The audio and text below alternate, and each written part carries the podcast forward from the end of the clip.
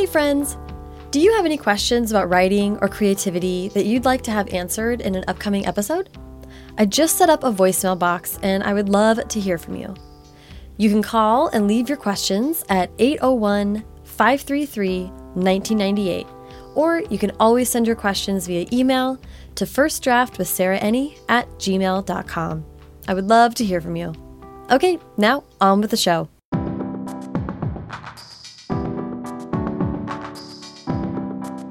Welcome to First Draft with me, Sarah Enni.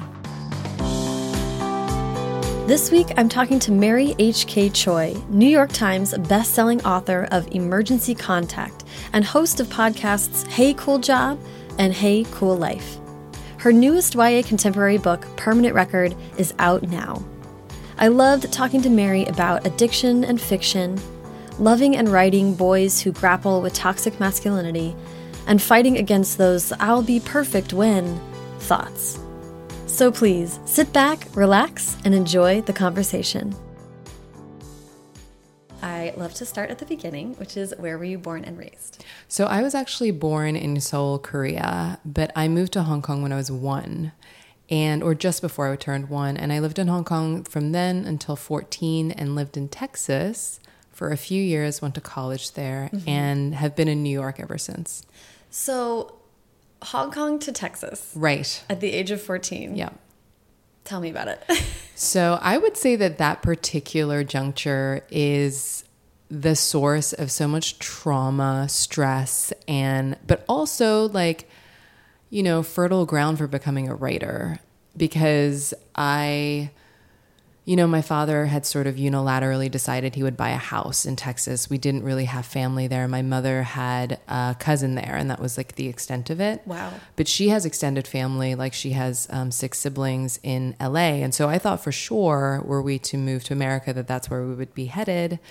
And lo and behold, they chose Texas. Wow. Yeah. But there was, to some degree in your mind, it was potential to move to the States? We knew we were going to move to the States because prior to 1997, that summer, uh, Hong Kong was going back to China from British rule. Mm -hmm. And while we knew that that would be like a special administrative region for a while and would just stay kind of neutral, we just didn't know what that would hold. And my parents always wanted us to go to college somewhere in America. So that aspect of it was imminent. Mm -hmm. And, you know, back then it was just different to get a green card. And because we had so much family here already, we mm -hmm. were mm-hmm. able to do that. Um, mm -hmm. Now it's, you know, infinitely more difficult. What with like people railing against chain migration unless it has to do with their own family. yeah, family, their immediate yeah. family. Yeah, totally. Yeah, hypocrisy coming home to roost. Um, uh, that's, are, and you have siblings? I do. I have an older brother. He is an artist and we're Korean. And so you can just imagine the dismay of my parents because I'm a writer and he's an artist. And that is not what they signed up for at all. Um, how old was he when you guys moved then? It was just before my 14th birthday. It was just before his 15th. So we are um, 14 months apart. Okay. Yeah. Um, that is a really rough time to move at all. Completely. I mean, I had a friend group in Hong Kong. I was actually kind of popular. And I only say that because I was kind of a terrible child. Like I was a terrible preteen and like a terrible teen because there wasn't really like a legal drinking age in Hong Kong that was to be observed. And all of us were these like wild latchkey children of parents who were like very neglectful and like mostly worked at conglomerates except for my family because my family owned restaurants they've been in the service industry their whole lives and so then you also have that sort of di dichotomy or that like obsession with assimilation where all of my friends were so rich mm -hmm. except we weren't mm -hmm. And so I was just too busy denouncing my family for popularity. And right. so then we got uprooted and moved to Texas, where you know, none of that, like none of the points transferred.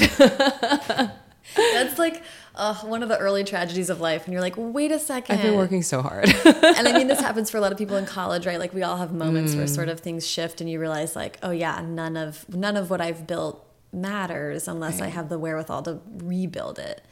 Sure. And actually, I think that that was kind of liberating. Like when I moved to Texas, I remember distinctly calling it at the time the most American America that I had ever experienced. Um, What did that mean to you? I'd never seen a sky that was so heavy.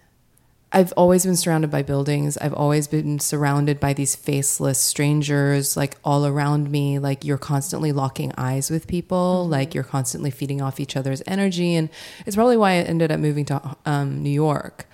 But Texas had this kind of silence, and it kind of had this landscape where you could see where the rain began. The sky was so big. You could like see it as like a slice across the horizon. And I lived in neon lights my whole life. Like I lived in Hong Kong in the 80s. Like that is like, you know, classic Wong Kar Wai, like tons of neon lights. Nothing was ever dark. Mm-hmm. And in Texas, I was getting up for school in the morning and it was dark out. And I was like, holy hell, what what even is this?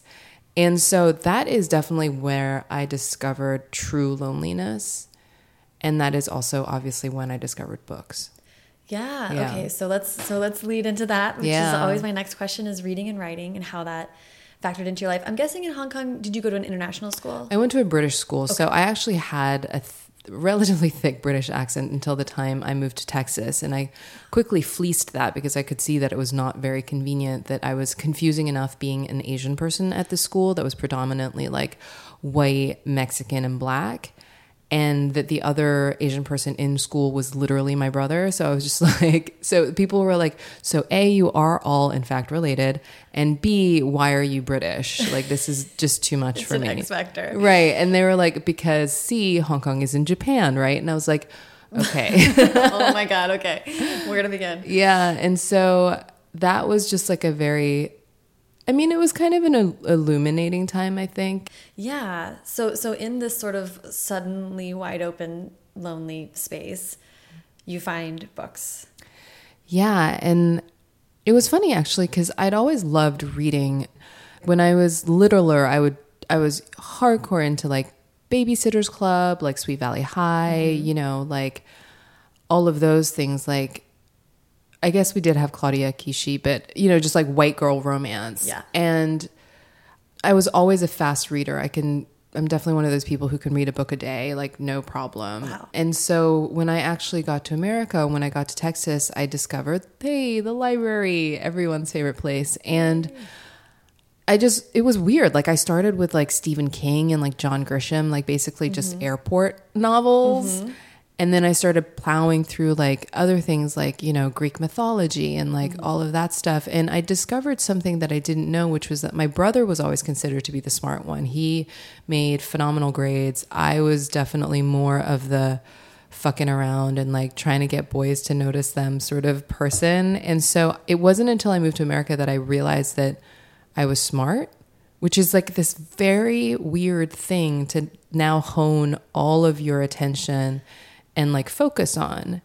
And so then I just started reading more and then I started realizing that I could remember things that I'd read. And it it really is it's like it's so funny. It's like almost like the Limitless movie where I take like that drug and I'm like suddenly Bradley Cooper who can like see like all the things. But I remember being like, oh, okay, like it's in there. My brain is just incredibly atrophied from like batting my eyelashes and trying to like look a certain way. And if I actually apply myself to this, then things can happen for me. That's really interesting. I mean, it's really unflattering if you think about it. I'm just like, yeah, I was like, I think I was, I don't know. I don't, I can't really say for sure that I was like playing dumb. I just thought I was dumb. I just presumed it.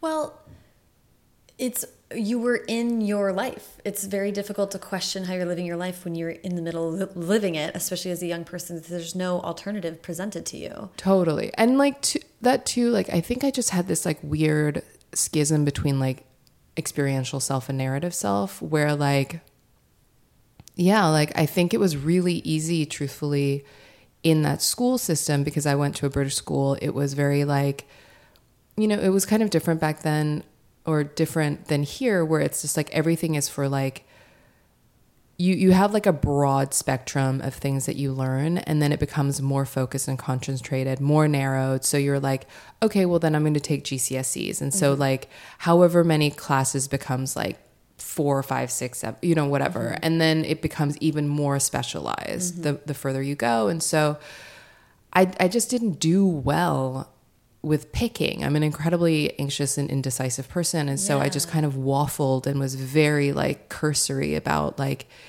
um, focusing too hard on one thing. Um, but when I moved to America, it was just kind of like, oh, like you just learn everything. And We stayed pretty general. you stay pretty general for a long time. yeah, and there's like a great boon in that. And now, even talking about it in retrospect, it's like I do think that that kept me insulated, and it created a context for me Mm-hmm. that felt safe. Like I think it's probably not a coincidence. I mean. You know, I also have like an eating disorder and I've had one since I was probably like five or six. Oh, wow. And so I have these like protective measures. Mm-hmm. And I think books happen at a time that really was just perfect timing where Mm-hmm. I could no longer sort of like lose myself. I mean, because at the at the time too, like when I was living in Hong Kong, when I was like you know twelve and thirteen or fourteen, and then to fifteen when I would go back and visit, it's like I think I w- was drinking a lot, and so like. I had all these things that helped me cope with anxiety and depression and you know were like anesthetizing me and books helped but w- wasn't like self-harming to self-soothe it was just like all plus all the way Yes, totally. so i'm so grateful Yeah. Books do have that like I think about this a lot that there are certain things that can be you know, it's interesting to think about like reading compulsively the way that Mm. many of us did when we were kids is the same kind of activity as doing other things compulsively. Sure. It just is seen as so virtuous right that we're like encouraged to but it doesn't mean that it's not you know i still have and i, and I definitely want to talk about about this and how this relates to your creativity but i have a lot of extreme thinking and a lot of like um inability to go less than 95% a lot of the time Right. Otherwise, what's even the point? Like I I love actually I love artists and I love addicts because the things we often have in common is this cataclysmic thinking and I really really relate to it. I get so superstitious that if I don't immediately the second I wake up sit down to actually crank my words out that it won't happen despite the fact that there are other pressing things that need my attention despite the fact that like i might could go outside sometime today Right, Like, right, right. all these lofty other human goals but it does it makes us isolated and going back to your original point about like you know like compulsive or obsessive reading like i was definitely book stoned for like the majority of those years where i couldn't drive yet Yeah. for Oh, sure and and and escape right and all Yeah. these things but it's it's just interesting how we're set up for all these things like you're encouraged to like to binge in that way Mm. and then when it comes to other parts of your life it's so discouraging and And it's also kind of gendered too, because it really is that whole thing of like, you know, a boy growing up in Texas, especially with football being so huge, there is that impetus of like go outside and like move around. But if with girls, it's sometimes just kind of like, oh, like it feels like virtuous in kind of a Victorian way, where it's like that whole like inner sphere thing, where it's just like, oh, so self contained, oh, so like demure, like Yeah. just, and also like readily available if we need to have this person do stuff around the house. right Like- seriously seriously um yeah that's so interesting um uh so how was or was writing a factor at that at that time writing was never a factor for me. I really wish as a child I was the type of person to journal, for example. Mm. But I think that this is kind of where the perfectionism comes in too, where I was just like, I would start new journals all the time, like every mm-hmm. year. Mm-hmm. And the second I didn't do it right, or the second I felt like I was being you know, it wasn't even con- the concern about credibility where I'm just like, oh, I'm being fake. It's that like, oh, I'm not being fake enough. And like the people who will exhume my tomb and read my journals will not be impressed enough. So like, what's the point in even writing this down? I'm filled with self-loathing. I can't bear to look at me. Don't look at me. I'm hideous. Goodbye. You know, and then it's like the the next year, it's like, well, this Moleskine book is really nice. yeah And, you like, have to get a brand new notebook a brand new one, the exact kind of pen that you want. Mm-hmm. And and actually, you know, it's this thing where sometimes when, in talking about it, I feel so retrograde and so like backwards or something. But I really, it never occurred to me to be a writer. It never occurred to me. I never, it never occurred to me to, you know, fake it or like do anything or like, I'm so jealous when authors were so encouraged from the time they were young to the point where like oh my mom like xerox these for me and this is my first book and like you know my my father or my mother is an author and ergo or they teach english like just these avenues. And it's like i'm not saying anything. It's like my parents are amazing but they did lack a certain imagination in terms of what they thought was available to us. And like mm-hmm. i think a lot of that has to do with like just money being the sort of like lingua franca of everything and them not necessarily speaking English, but feeling as though there is nothing, there's no more solid common denominator than like power and money mm-hmm. and status. And so for that, that was just like, you guys have to become lawyers. Like, this is what we know. Right. And it's so funny because they were like, oh, we don't really see you guys becoming doctors, but you know, they they kind of conceded that they were like, you know, we don't know if you're that that kind of smart, but you are certainly argumentative enough. You read enough, become lawyers. So all I knew was that I didn't want to be one thing. Mm-hmm. And at the time, too, I think I was like really, really into fashion. And so I, I did hold a secret hope that I would become like a fashion designer. Mm-hmm. But, you know, when I got to college, I went immediately into textiles and apparel, like retail merchandising, because I was like, mm-hmm. at least I could become a buyer and be fashion right. adjacent without all of the unpredictability that will no doubt make my parents feel really unsafe. And, you know, like a lot of that hardwiring does get in there. And so I think of some of I think some of that sort of safety was definitely like an outcropping of like just the way I was raised. Yeah, and then you know, and then you move on to writing in the journalism field, which is the other like safe, safe thing to do, more practical. Yeah, you know. yeah, because I was also not like you know, my story is different because my parents aren't immigrants. It was like a different thing, but it was also very, very practical. Like the minute I was like, well, the only thing I'm really good at is writing. So I guess that means I need to find like the most practical application for that thing um, which was journalism LOL. So how did you go from studying retail merchandising and you went to UT Austin, right? I did go to UT Austin. They do have like a really, really dynamite um, fashion program there. That's awesome. Yeah, which is really nice. And so I moved to New York fully expecting that I would get an like a a managerial position at Saks Fifth Avenue. I had done my internship there. I had worked on the second floor in Armani Collezioni. And I was just like, this feels safe. This feels good. I knew that they really liked me. And so I was just like, I'm going to move and see what happens. Mm-hmm. Um, I moved to New York with two suitcases, as you do. And my roommate at the time had a job at Marc Jacobs, and her father was a co signer for our apartment on the Upper East Side. And so I had all the things in place. I hadn't told my parents I was moving for good because I just knew that, that they would just wig out. And I had sold my car and I had a bit of savings and I moved to New York and I remember being so sad at the prospect of working in a department store. And I remember being so sad at the prospect of working in fashion.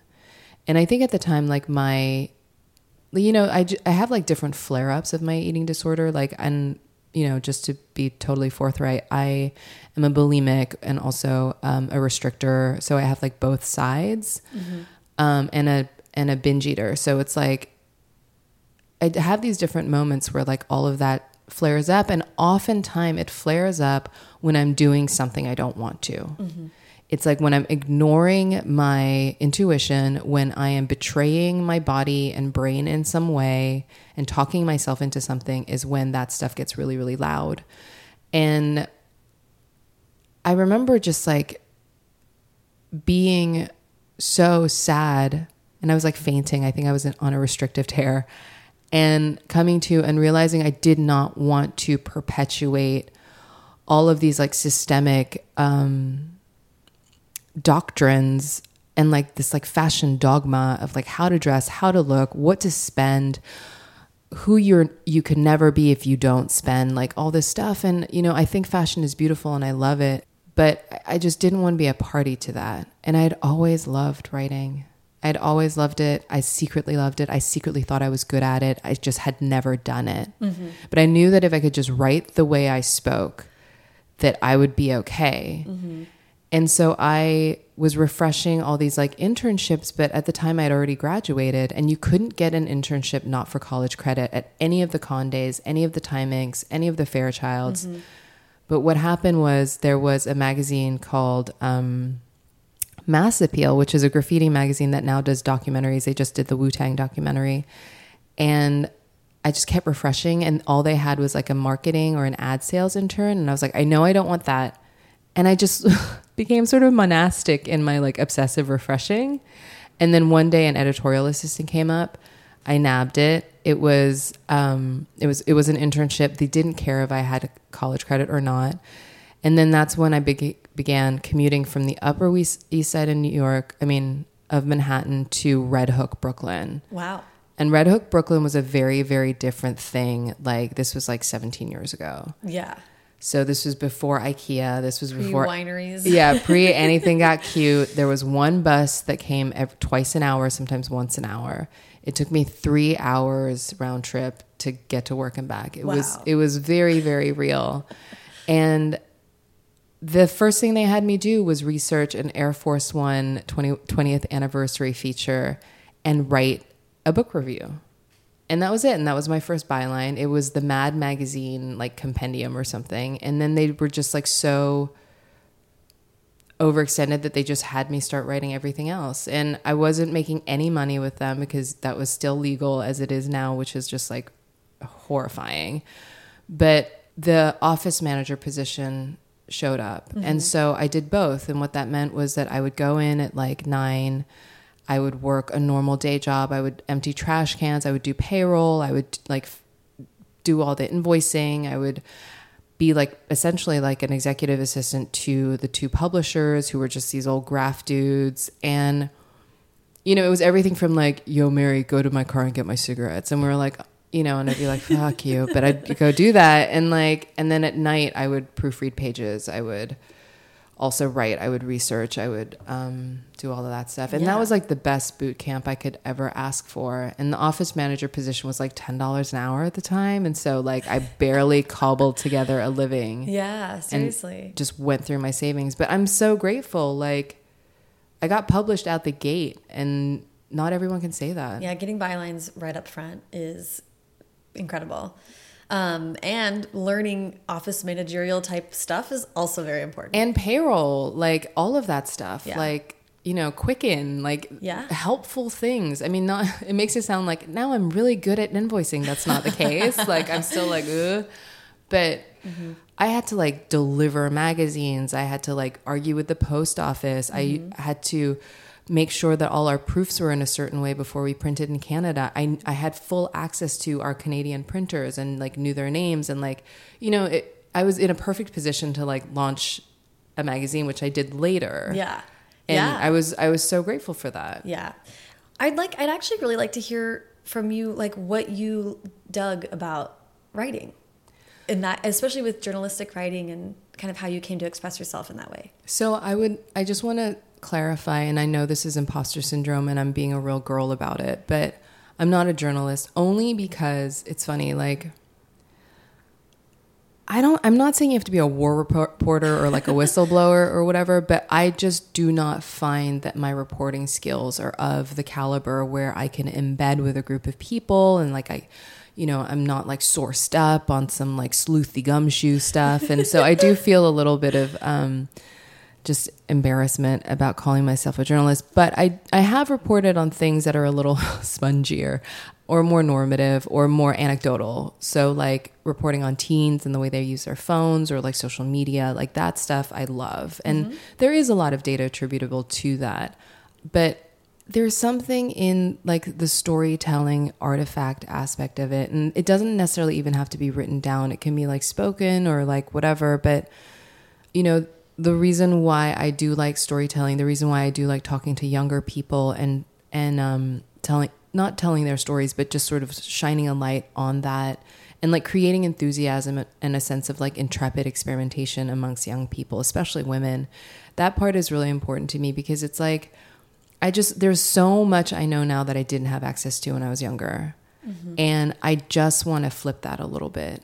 And I want and especially because the barrier to entry in terms of publishing is so low with like the internet and stuff and that is also like such a beautiful aspect of technology. And so I just I just want to have like I just want to say things and like grant permission. And it's really weird the things you think you know versus the things you actually believe. Mm-hmm.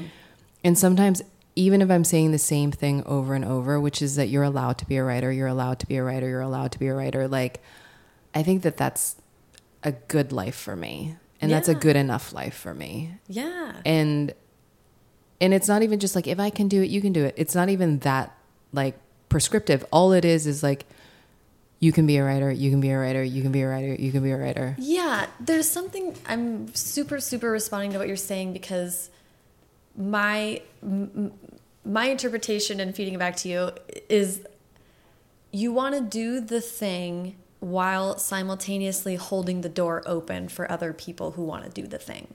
Right. And that's an impulse, right? That like I totally understand. Like there's a ton of people who who write and they just write and they write their stories and that's their expression in the world and for me that is what I want to do, but I also feel the very intense impulse to do another thing alongside it. Well, I mean, that's the thing. It's like exactly like first of all, I'm Hodor. Second of all, it's that no, it's like I know that I really truly believe in a benevolent universe and I really believe in the spirit and spirituality and I don't believe in like a dogmatic punishing god more so that like I do think there is a purpose and I don't care if that's true or false. Mm-hmm. If I believe there is a purpose, I feel better in my day. So I choose to believe this. Yeah. And I think that being dialed into your purpose and being dialed into your spirit is an inexhaustible supply of energy and inspiration. And I feel a little bit like I'm proselytizing. But so when I do tell a story and I tell it and release it to the world, and with that is the intent that, like, hey, it's okay to be this way. You can do this. You can be whatever you want. Truly, you can feel exactly the way you want. Please be gentle. Your body and your mind are the same. Don't hold your body hostage with your mind. I've done it. It's not cool. Um, it all you figure it out anyway. You'll be fine. And when I frame it in that, it makes it easier to go to panels when I have like crippling social anxiety. It makes it easier for me to get on planes when I do not like being in hotel rooms. Mm-hmm. It gives me just like a thing that takes me out of myself. So I'm not sitting there being like, oh no, they don't have my food here. Or like, oh no, they're going to make me eat this thing. Or oh no, all these people are strangers. If I'm like, okay, all these people are strangers, I am not comfortable, but you are doing this for a reason and the reason is everything so like just get out of your head and mm-hmm. think about the reason Yeah, it's having purpose. Yeah. is like a great extracting. You can jump out of jump to thirty thousand feet. yeah you can just like pan out and i it helps me pan out without dissociating which i usually i always leave my feet and i leave my eyeballs and i'm like goodbye. Um but this helps me like still be engaged mm. while not sitting there being like oh no 100% of people in this room are thinking about me and talking about me and 100% of their thoughts is negative mm-hmm, mm-hmm. Right. Right. Which is the tempting. Yeah, no, I mean, it's one of these things that, like, I am in a 12 step program for recovery, and part of that, someone said something that really made me laugh, which was like, the, Do you know how I knew that I couldn't read minds? And everyone's like, How? And he was like, because just like probability wise, 100% of people whose minds I read are talking shit about me. And like, what are the odds? And it's just really true. Like, what are the odds? Yeah. Like, it can't be as bleak as you think it is in the same way that it, that like you don't have to practice your Oscar acceptance speech 24 7. right, right. Well, that like that calls to mind to me. Like, have you ever had one of those moments where someone's like, I need to talk to you about something, and you just like, you're sure that you're standing in the middle of hot lava and you're about to just crumble away and die? Totally. And what they're what they say is something like, I've realized that I want to be a fireman or something, and you're like, oh my god. totally, totally. I mean, you go away from that being like, can friends fire each other? And to like being like oh of course friends are just like me in that they're totally self-obsessed and they yes. have something that they want to bounce off you. Yes. It's those moments are just like oh my god your life is so your life and yes i'm just yes. here to be a part of it. Totally. And vice versa it's like such a relief. Yeah yeah thank god we're just all like kind of basket cases. Yes. it's the best. It's like the most reassuring so I want I want to I want to talk about you founding your own magazine and just like uh, this is, to me it's so interesting because I think the stories you're telling with your books are not that dissimilar from the stories you were telling with real lives or, or the, the stories you were interested in cultivating and, and expressing to the world with your journalism and, and mag on the magazine side of things. But I, I'm just obsessed with how that writing kind of maybe helped you hone your voice or get a sense of what you were interested in. Yeah. So someone said to me, again, and I kind of touched upon this earlier, which was that like if you can just write the way you speak, you'll be fine. Yeah, I love that. That's so interesting. And I really do think that if you are honing your voice, and they'll tell you this for like journalism or like essays and things like that, like nonfiction largely, mm -hmm. is to write a letter to either yourself or someone who knows you really, really well and tell them what's up. And so that kind of dislodges some of that sort of fear or that um, performance anxiety and just gets it down. And everyone should be allowed a vomit draft. And I think that that's like a really, really surefire way of getting there. But I think the same actually weirdly applies to fiction too, especially as it relates to dialogue. Like, dialogue has always been kind of the linchpin for me. Like, mm -hmm. um, I'm not really good at bodies again because I'm dissociative.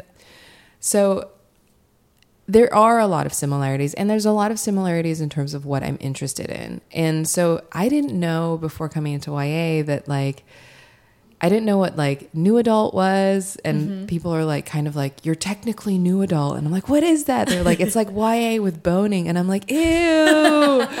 um, but you know basically it's like a people who are a little bit older like in college. Mm -hmm and then I didn't know what this term contemporary meant. Oh, interesting. Yeah, which is that like you, there's no like um, yeah, speculative. Yeah, or, yeah, we don't say contemporary adult, like not the yeah, same way. Yeah, so yeah. I was just like, what is contemporary YA? What is contemporary NA? Like it just all sounds really weird. And so like, I guess like that's a little bit why my books. You know, the there was an article um, when emergency contact was coming out. I think it was in the Times or somewhere else where they were like, "Oh, you know, Mary Mary wrote a book where high key nothing happens." And that's really, really true. And I think that there is something in interiority that I'm really interested in. Part of it, I'm just to be freaking honest, is that like plots, not so great at them. I'm like, I'm a magazine writer. I'm doing my best. Hopefully I'll get there. But that was just like an entry point that felt really, really natural to me and messy and untidy, which a forgives a lot of sins in terms of like drafting but b just felt very real to like what my experience was at that age where i was doing a lot of like floundering where i was mm -hmm. like feinting a lot in terms of like who i was going to be and then you know not being really sure and like what those relationships looked like mm -hmm. and you know um, bo burnham who did um, eighth grade was talking about how just the sort of heightened realism of it, which is that when you're that young, the smallest thing can seem so huge and dramatic and insurmountable. And I think that that kind of like applies to this sort of coming of age age too, mm -hmm. where you are just like making a lot of very creative choices about what kind of adult you want to be based on like all these boilerplates that have nothing to do with reality. Yeah, a very limited very limited access to like eh, like what an adult is or could be. Yeah, like having your shit together oftentimes is like this very reductive, like stringent set of like qualifications and I'm like, "Ooh, you know, like I don't know." And so yeah, like I I when I wrote Emergency Contact, I knew that I wanted a smaller story. I knew that I wanted the characters to be very very real, mm-hmm. which does mean that they're a little bit dull sometimes and I thought that was really fair. Um, but that chemistry is there and that kind of made that feel realer to me. And and honestly, like because I'm such a hack, like no one can turn around and tell me that that story isn't realistic because that story happened to me. Like I met my husband over text essentially and that's where our relationship developed and like we're married and, and not to say that that's the goal in fact it's probably really not but um yeah i mean i that i fell in love with a blue bubble and that was like really really confusing mm-hmm. okay well let's let's get to that um so i first want to just just the the origin story of deciding to write fiction, mm. and then I want to jump into emergency contact and how the writing process went. But what was the first flicker of an idea of maybe I should sit down and write a book? I have tried to write a book. I think by the time emergency contact was done, I had most of a draft of a book that was speculative that has I'm actually thinking about trying to write it as a series um, because I just didn't have the talent for it yet. I just didn't know where the pieces go. And I think everybody's first book is like right, a, overly ambitious, or... totally like just the sprawling, yeah. like totally. And and so I wrote a whole book, and it's just sitting there, and it's basically about these girls in boarding school and like this like cult and it, nothing happened. I, I couldn't finish it. I, I would get up to 80% and then I'd be like, okay, that's not. And funnily enough, like Jude and Mallory, like those names are in that first book. Like I was just like, I'm just going to steal you guys. It's to be fine. um, and that just never happened. And then I started writing comic book scripts um, for Marvel and for Vertigo. And for Marvel, I did Shanna the She Devil, problematic. I did Lady Deadpool. Also, my my rendition of her was also problematic from a mental health standpoint. It's so interesting when you look back and you're like, "Whoa!" Oh yeah. Um, also, De that's a little bit built into the fabric of what Deadpool is in some yeah, way, shape, or form. of. Course, of yeah. course, like, and then also I did some totally made up creator owned, uh, not creator owned because I didn't own it, but like just like random non um, DC universe type stuff for Vertigo, and that was really really educational, and I really really loved that. And that's also like dialogue right? Like Yeah, total dialogue. It was like I was sort of blown away by how much autonomy you had in setting up the sort of like mise en scène or mm -hmm. like the um being like the director, being like this is what the angle is, this is what like I remember I was like doing stick figures being like I don't know how to describe um a fight scene. Right. And like have like her end up on the top of this vending machine. It was just I was just like, and I was like, oh my god, this is so fun. And so the thing that happened with the first novel that sort of died in the water was that like nothing happened and so then this was kind of a crash course in things happening mm-hmm. in a really sort of economical mm-hmm.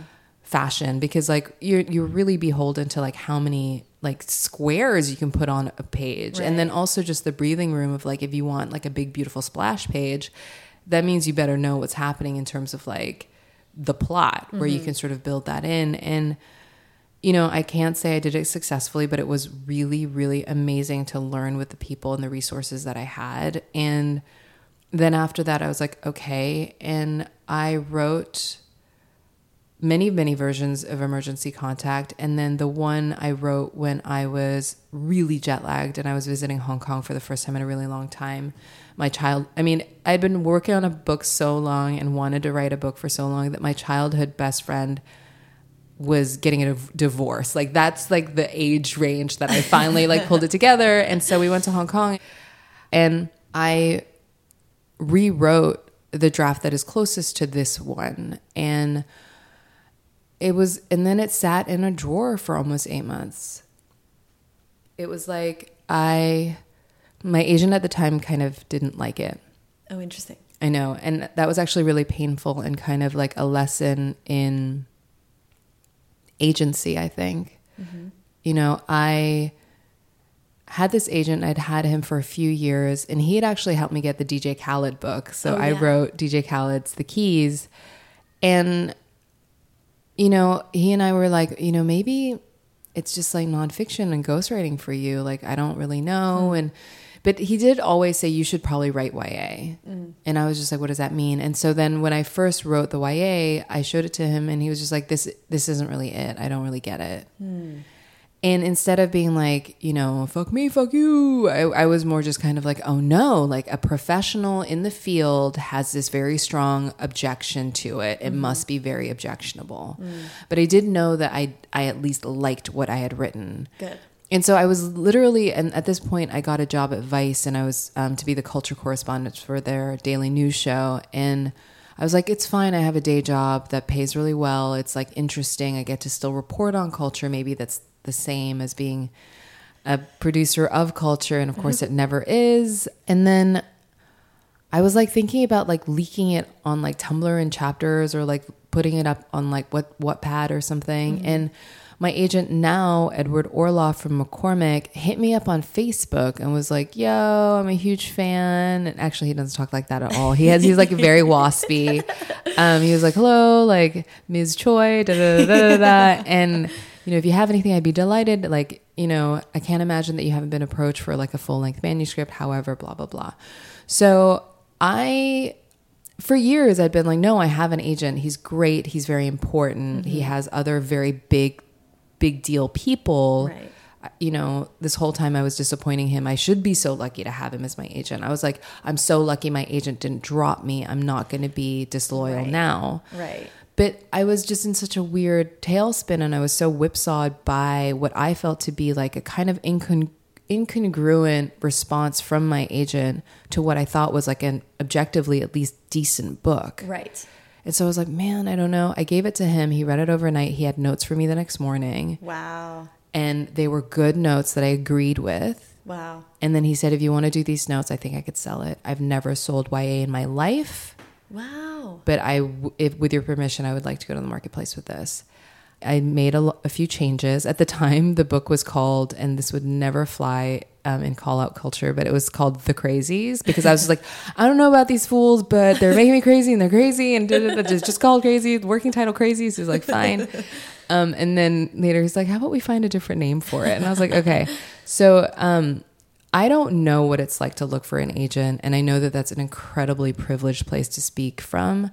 I do, and I don't know what it's like to query. I will say that at the point that this man approached me, I had 15 years of bylines. Yeah, I was gonna say, had- and you were you talk about writing the way that you're speaking, and he was obviously a fan of you on Vice, where you just are Mary, the person, an interactor with the world. Yeah, and also like he just read like at this point I had you know I had a column at Allure. I had written for Wired for two years. Like I had a column there. I had done a monthly stint at the op-ed desk at the New York Times. Like people were really liking my personal essays. Like Yeah. I'd written about my mom and that went viral and and so like I do have like a little bit of imposter syndrome and a bit a little bit of like survivor's remorse or I don't know or guilt and shame about the fact that I didn't query and that this kind of landed in my lap, but I just also took a very long road to get here. Yeah, that's so that's very funny to hear you say because I give you permission to not feel like that at all. You were like eminently qualified to be approached by agents, of course. Well, right, but then any, anyway, well, I'll get I'll get the question at a panel, and it's like, "What was your querying experience?" And I'm like, "I know nothing."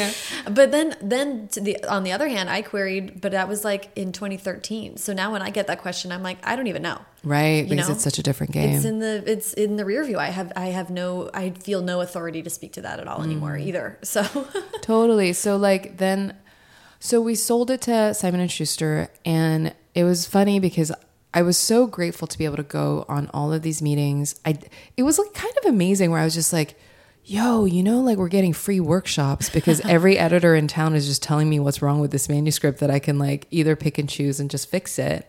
But I remember having, I didn't even meet my editor, um, who's Jenny Han and Morgan Matson, Siobhan's editor, Zareen um, at SNS in person. I, I just Skyped with her and I just hit it off immediately with her where I was just like, I will show you my steaming feted guts and like let you play in there. And I just felt comfortable with her and SNS, you know, had the biggest offer too. So I was just like, this is great.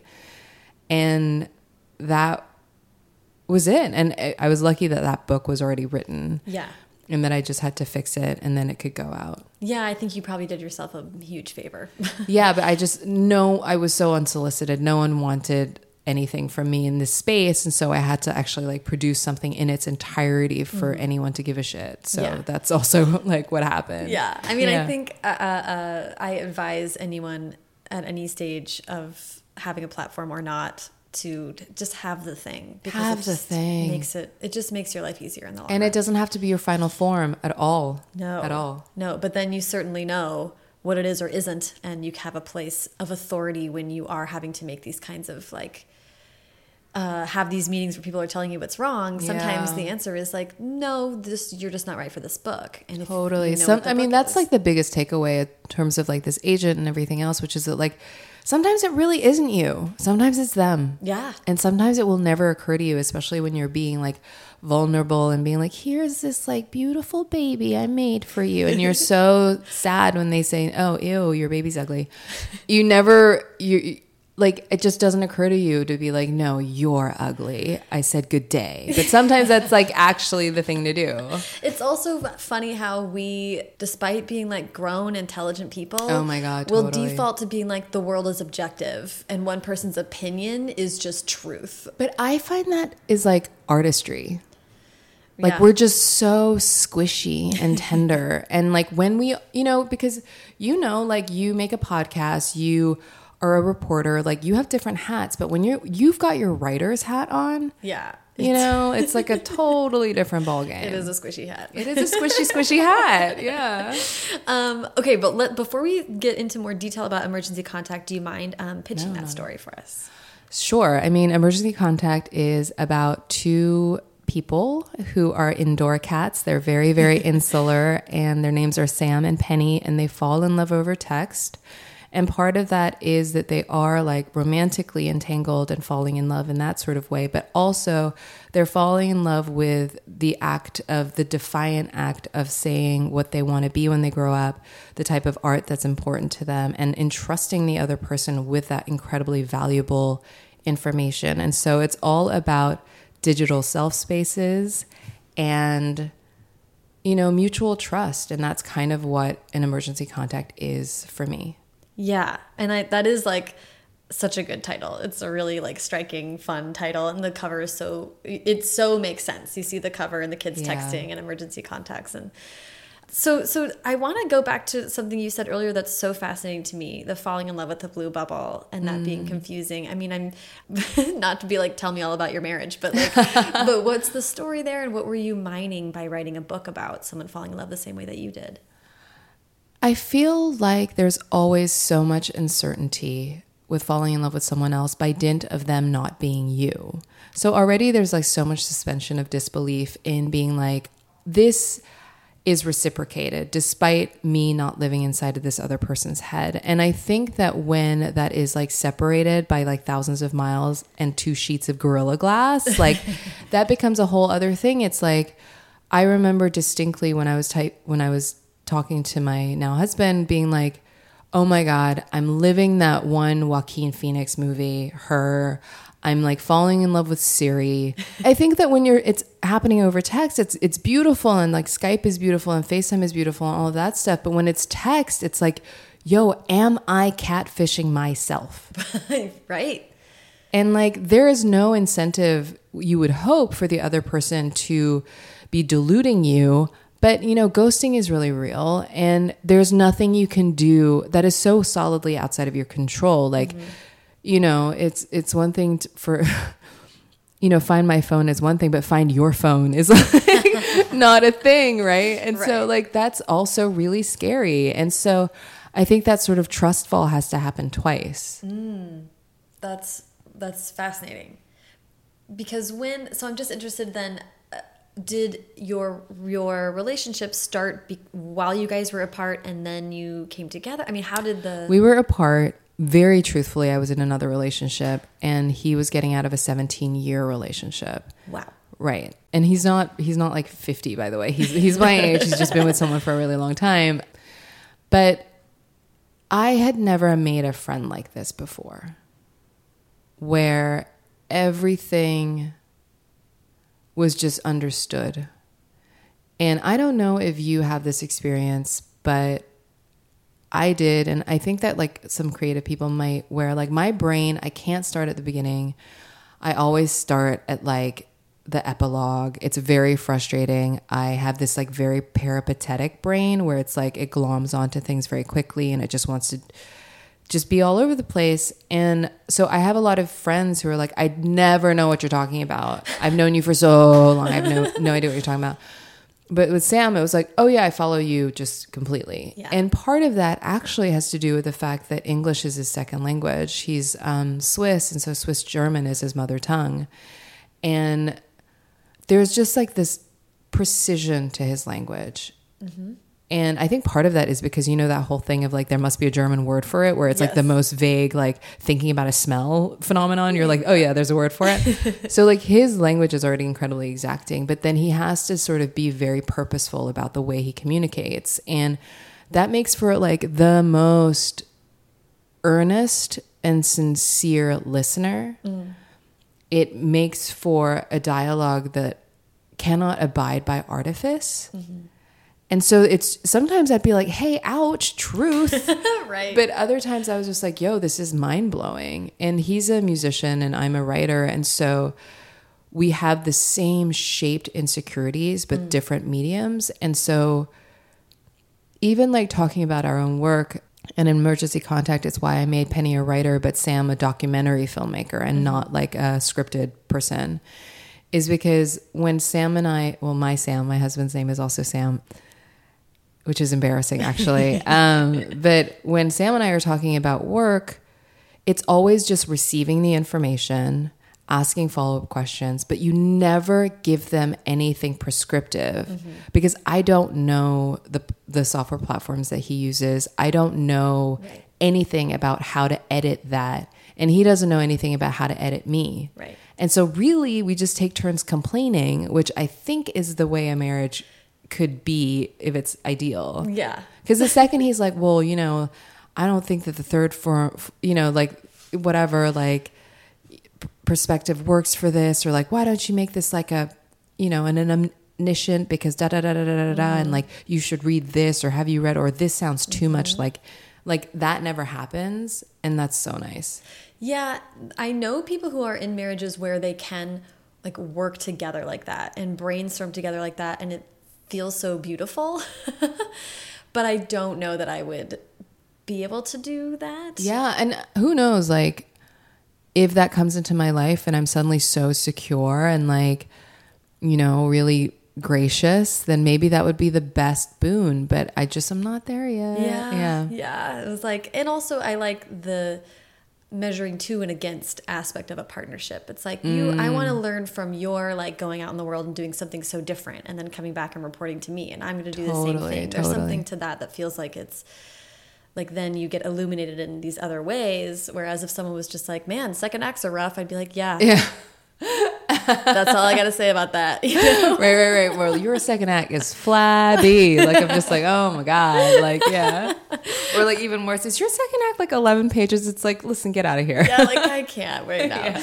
Um, that's so funny. So, so I love. I mean, I love that it was so personal. I love that that is like your proof of concept to be like, yeah, no, this is a love story because I know it because it's mine. Like that's actually kind of a great thing to have when you when you're putting a book out in the world that's a character driven, you know. Kind of cozy contemporary in a way. Yeah. Like it feel like it was a book that I read largely in bed because that just felt right. Um, and it was so satisfying to be like, yeah, this is how like our brains are so active and falling in love over text feels like honoring the best part of myself, which is my words. Like the, I just responded yeah the rest so of that. the rest of it can fall away like Yeah. even the taxonomical information of like how many followers you have or like whether or not you have the right shoes like all of that becomes like totally like immaterial and that was also really important because i i made sam really poor Mm-hmm. and so like that that like awkwardness really goes both way for them Mm-hmm. yeah Yeah. Well, I want I have questions I want to ask in relation to how uh, permanent record is doing the same the same thing and the and a different thing. Um, so so I don't I don't want to rush through emergency contact, but I do want to ask about when permanent record became a concept or when you when did you decide that you wanted to keep writing fiction? How did the second book idea come about? So I definitely knew I wanted to keep writing fiction. Um, the fact that media was imploding. Yeah. yeah, it was basically like I'm like, oh, my home planet is on fire maybe? yeah totally. Um that had something to do with it. Also i just really love the experience of writing and i wanted to keep doing it. Like honestly if i'm allowed to keep doing it i'm gonna keep doing it. And i like was thinking a lot about like youtube fame and i was thinking about how youtube because i remember like i met Justin Bieber, this will date me, when he was very, very young. And this was when he had his first Ellen appearance. Mm-hmm. So this was before any album. This was still a little bit after he was like singing a cappella Chris Brown in bathroom mirrors. So he was mm-hmm. very small. And I met him at that time in the green room, I think of like Wendy Williams' show or something. And everything that sort of happened in the aftermath and the extent to which he got big was so mind blowing to me. And in a lot of ways, like, you know, with all this like James Charles, Tati, whatever, like um, Westbrook, like beauty war is happening right now on YouTube, it's like they're so famous to a type of p- person, but they're not universally famous to everyone. And I find that to be really interesting. But I also find it really interesting that Justin Bieber was able to walk out of YouTube and then became huge and like crossover huge, like huge, huge, world huge. And it always blew my mind how like him meeting Scooter Braun was this like perfect sort of thing and how all of that even with like, you know, Logan Paul and like all these people, like it creates this like narrative that fame is suddenly accessible to anyone. Mm-hmm. And maybe that's true, you know, like influencers might have one story around that, but I just thought that that was really seductive, but also ultimately super fucking dangerous. Mm-hmm. And again, I don't mean to be prescriptive. And if like all you want to do is become a beauty influencer, like more power to you. And if you and you blog every day, and that c- becomes like you know like money and a, a good plan outside of like going into like hundreds of thousands of dollars worth of debt for college, like that's cool. But I was just like, man, this really is selling a kind of dream here. And so I really liked the idea of having that power disparity between a couple. And I really liked the idea of that gender being sort of flipped. Um, you know, it was kind it's kind of like Notting Hill basically. Yeah. But a little um but like obviously a lot more contemporary. Well, while we're talking about the concept, do you mind just just pitching permanent record and then we can Yeah, sure. So like permanent record is a lot like Notting Hill actually. No. Um it's based in New York. It is it follows the story of Pablo who works at a 24-hour bodega. Um he works the night shift. He is half half Pakistani and half Korean and he's a college dropout and just like really not knowing what's going on with his life. He did have a small brush with meme fame um, in high school, which kind of messed him up. And I mean, only messed him up in terms of like what to expect for the rest of his life. And then a woman walks in. Her name is Leanna Smart, and she's she has more social media followers than like certain continents have humans. Like she's so famous, it's like upsetting.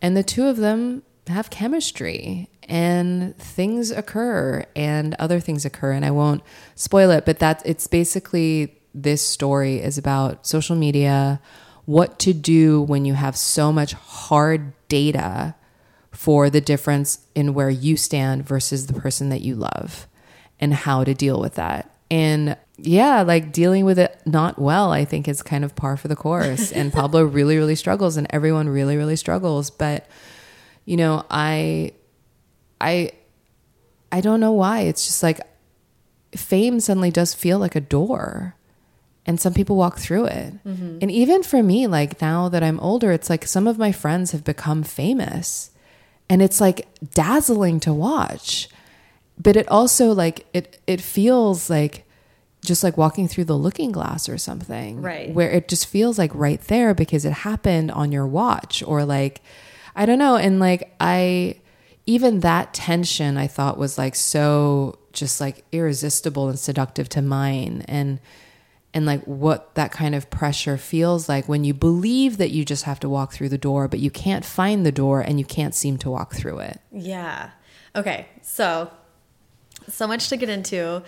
I mean, the thing that really struck me about reading Permanent Record, I'm really loving it, by the way. Like, had so much fun reading it, and was really like, I want to talk about the language in it too, and all that fun stuff. I have but- never talked about it yet. Really? And actually, no, no one I know, other than my first readers, I have not talked to another human being about this book yet. Oh my god, this Yeah. is my favorite thing. It's so scary. I'm really glad that we're getting to chat. Um, I was also I was struck by by much like Sam, Pablo is like so Penny in Emergency Contact is like going to college and sort of like on a track, right? Like she definitely doesn't feel like she has her life together, but she's like Mm. moving forward on in a way that like we sort of collectively understand as like Going becoming places. an adult. Yeah, totally. Um, and of course, Leanna Smart is like, you know, on a track of her own making and ex uh, excelling um, Yeah. in material ways beyond um, reasonable expectations. So the women in your books are like doing a thing, and and Pablo, like Sam, is sort of really struggling to figure out what's what's going on in his life. But unlike in Emergency Contact and Permanent Record, we're all in his um, perspective and his mind. I guess I'm just interested in how you think about that similarity or what it is that's interesting to you about the disparity there. So, yeah, like I really love sensitive boys. And I was in edits on this book during like Me Too. I was really, really triggered because of like sexual trauma in my own history and just how many spaces I've occupied throughout my career that were so male dominated and having that sort of like systemic, but like insidious, but also like really hard to gauge. Like you can gaslight yourself so so easily being like is it just me or is it a little toxic here? Is it mm-hmm. just a hint of noxiousness or is it full on toxic? Like i don't know. So you know I, I was thinking about all of that stuff for a long time and i was really thinking about the ways that narrative affects women and obviously penny has a story of her own as a survivor and and all that stuff but with this and leanna too has scars like she there were like faustian bargains to be made for her career that she didn't feel like she had enough say in but with the boys I want to be talking to boys. Like, I don't know if it's even realistic. Like, I, I do worry. I'm like, did I accidentally write a book for boys, except boys won't want to read it? And like, boys won't even know it exists or like, what's the deal? But the thing is, it's like, I know and love a lot of men who are not, you know, quintessentially masculine, who love dearly and who really rely on their on their male counterparts who are also really emo. Mm-hmm. And I really love that story. And I do wonder if it's a story that we see enough of. And I love the idea of having a guy who's like swaggy, hot, confident, cool, you know, chilling, have the dichotomy of inside he's like a roiling mess. Mm-hmm. And also struggling with the idea of masculinity in terms of like confidence and success, not necessarily like he, you know, like I didn't want the narrative to be this pat thing. Mm-hmm. And so, yeah, like I loved walking around and moving around in Pablo and seeing what he would struggle with and making him be beleaguered by like other this woman's fame and like but not being toxic about it. Like that's the thing. Like Pablo never ever tries to diminish Lee, and I I, I- I needed that power disparity to be so vast that that wouldn't like enter into the conversation at all. You know, he's never competitive with her, and he wouldn't be even if she was just like a a smaller fry. Right. And so I wanted him to be really clear and confident in his masculinity in those ways as it relates to like her career. Right. But him still being butthurt that she doesn't have time for him and, you know, her like being attached to like other famous guys in the media and this and the other, because those things are obviously really real. Yes, and those would would potentially happen like regardless of her level of success. Yeah, and I also wanted to imbue qualities within him that we stereotypically see so frequently in women, which is that he's the one waiting by the phone and mm-hmm. he's the one like lurking in the feeds and getting so hurt and accidentally deep liking, you know, just Yep. all that stuff that like I really relate to. Yeah. Because again, like I just think that like gendered roles, especially as it relates to romance, like I don't think ascribing to any of those bo- boilerplates really makes any sense. And like, Yeah. even in this book, like, you know, there's a lot of talk of like mutually affirmative consent. Like, Mm-hmm. it's just these guys are chill dudes whose moms did good jobs. Yeah. and I really, really like talking to them and having them speak. Yeah, and I mean, yeah, just just a story where like a guy is waiting f- for the text back. Yeah. It's like these are things that we know happen. Like we know men are deeply sensitive and fall in love and have as many feelings as anybody else on earth. Um, but we don't often get to see them like be in their feelings like that. Yeah, and so it kind of goes two ways where it's like one like sometimes it is us who has all the power and that's just a very real thing. And two like i really wanted to give permission to guys to be like yeah like not only can you be in your feelings about this but you should talk about it with people. And like we can also open a dialogue where it isn't that like the guy has to make the first move that you know I just think that like a lot of open dialogue around what sex and sex posit- positivity and romance actually means. Mm-hmm. Like I think so frequently romance and sex in this country, especially the way our sex sex education works, is like, you know, it's like apples and oranges, and that's so weird. And like, you, you know, in other countries, especially like in Scandinavia or like any of these places, the way they do sexual edu- sex education is that they start when kids are like four. Yeah. And they're like, yeah, this is when, if you like someone, be next to them and be nice to them and hold their hand. And then it sort of kind of goes from there mm-hmm. Mm-hmm. versus here where it's like abstinence and yeah, like zero to sixty, Yeah, totally. or just like do things behind the scenes and never talk about it. Right. like, what? yeah. And so like, I kind of wanted to normalize just like very sensy dudes because I know them. Yeah, and and I loved that Pablo has Pablo's conflicts with his closest dude friends ultimately comes down to them being like if you don't talk to us about your feelings then you're going to lose us as friends. Right. Or like you're being a shitty friend to me. Yeah. And you're being so obsessive about this person. And like that's kind of a conversation that girls have all the time, where time. you're like, don't be that whack chick who da da da da. da. Yeah. And like that stuff happens to dudes too. And like sometimes it's like I'm like, yeah, dudes, confront your dudes. Like who whom's man's? Like, you know, come get your man and like really figure it out. Yes, yeah. I loved that. It was just like uh, and several different interactions of guys being like, "Okay, it's time to sit down and for me to tell you you're hurting my feelings." It was really great. It was really great and very realistic and sweet. I want to talk about anxiety in this book because not only because money issues affect everyone, but um, but there are like he- uh, in this book, I would say primarily his anxiety is financial, which then of course creeps into like every other part of your life, especially if you are fixated on it.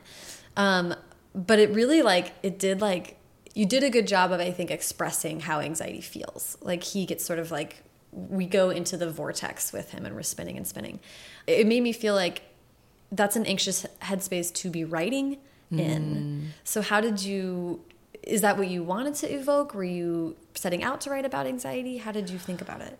I don't know that I was setting out to write about anxiety, but I'm a lot more in tune to my own anxiety. Like I, you know, only started dealing with my eating disorder last year. So this this past year. So during even just this book and actually even as I was in proofs, I remember talking to my husband and being like I have like weird PTSD around this book. And he's like, "How so?" And I was just like, this book entailed so much personal homework that I was doing alongside the writing of this book. And so the fact that some of it seeped into the book doesn't surprise me at all. Mm-hmm.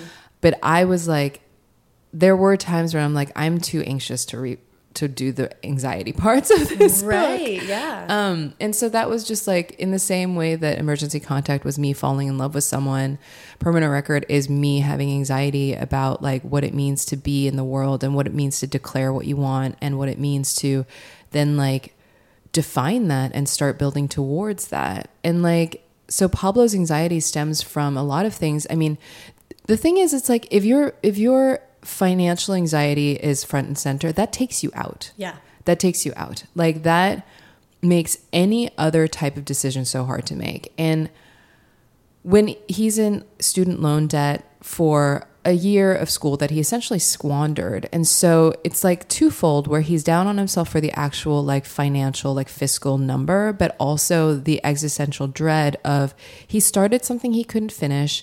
He was wrong about it. He has no idea what was wrong about it. He mm-hmm. doesn't know how to remedy it. All he knows that everyone in his family wants him to go to school and he doesn't know how to do it and he thinks he's ruined it already and he doesn't even want to go back to school and like what what's up with that Yeah.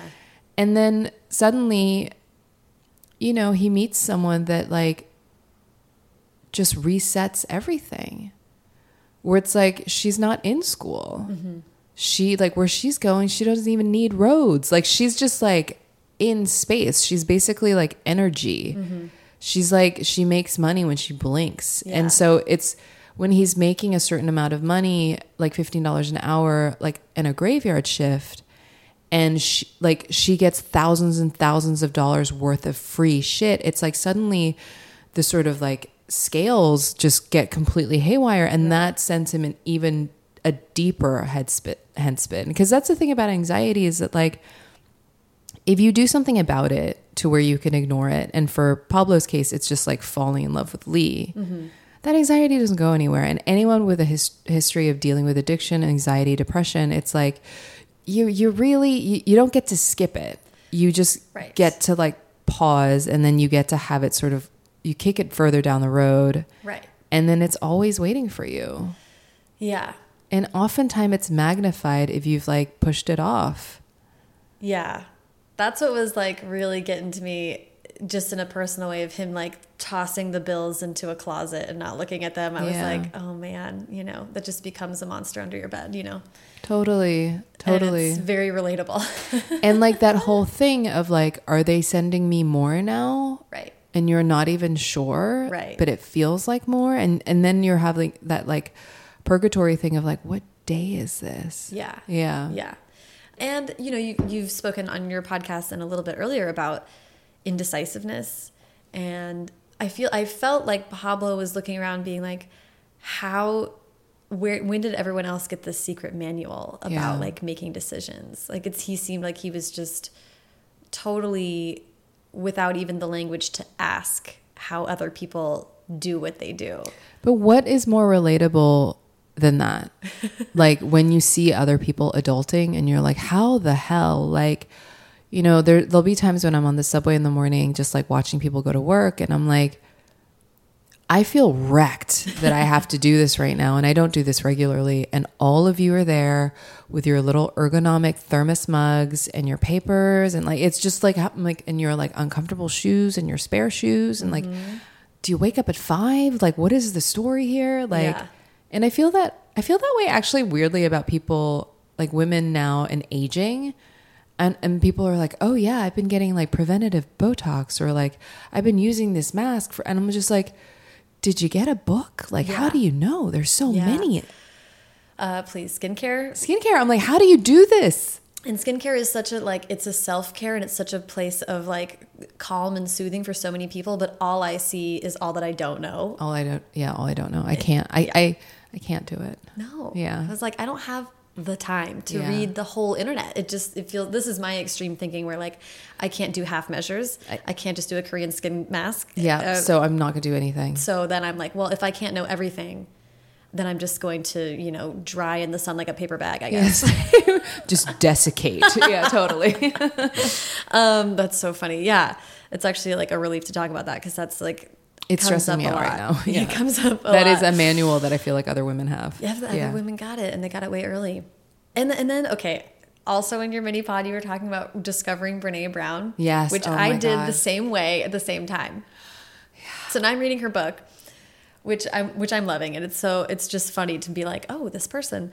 Um, but what's what I read in her book yesterday that I feel relates to permanent record is that she was talking about the greatest sin in a lot of relationships. Our greatest um, what's the word she uses? Betrayal is separation is like deciding not to show up and not to respond and not to do the thing and that that grows over time and it's not like in a romantic relationship you don't always have someone cheating on you sometimes it's like a slow separation Yeah, I'm actually kind of like getting chills as you're talking about that because I just hate, I hate that so much. yes and, I and it's and, and I hate that even when you're the one doing it. Oh yeah. Yeah. And you, because even in your mind, you're like, I know I'm. I hate ugh. Yeah. Where it's like your true core I call it my animal when my animal does something and I'm like, "Oh, my animal's about to do something," or like your animal does it. Don't you dare fight it with me like intellectually because it's your animal doing it. Right. Um, but yeah, like it feels it is so funny because like heartache does feel like this like hollow, heavy, like seeping feeling in your heart.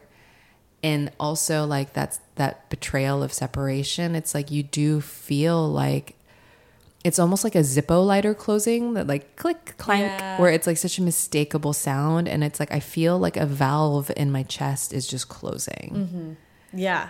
Yeah. And what's confusing about it is that there's not like a moment. You know, and Yeah. this Pablo's journey throughout the book, I thought, like, again, we're, I mean, this is kind of relating to like plot or it being sort of a character study and how contemporary fiction blessedly gets like the room to do this kind of thing, where we're talking about a story where it's death by a thousand cuts, mm. not like picking up a sword and going to fight a dragon. It's Pablo having to come to terms with his reality, but that doesn't happen because there's one shining moment.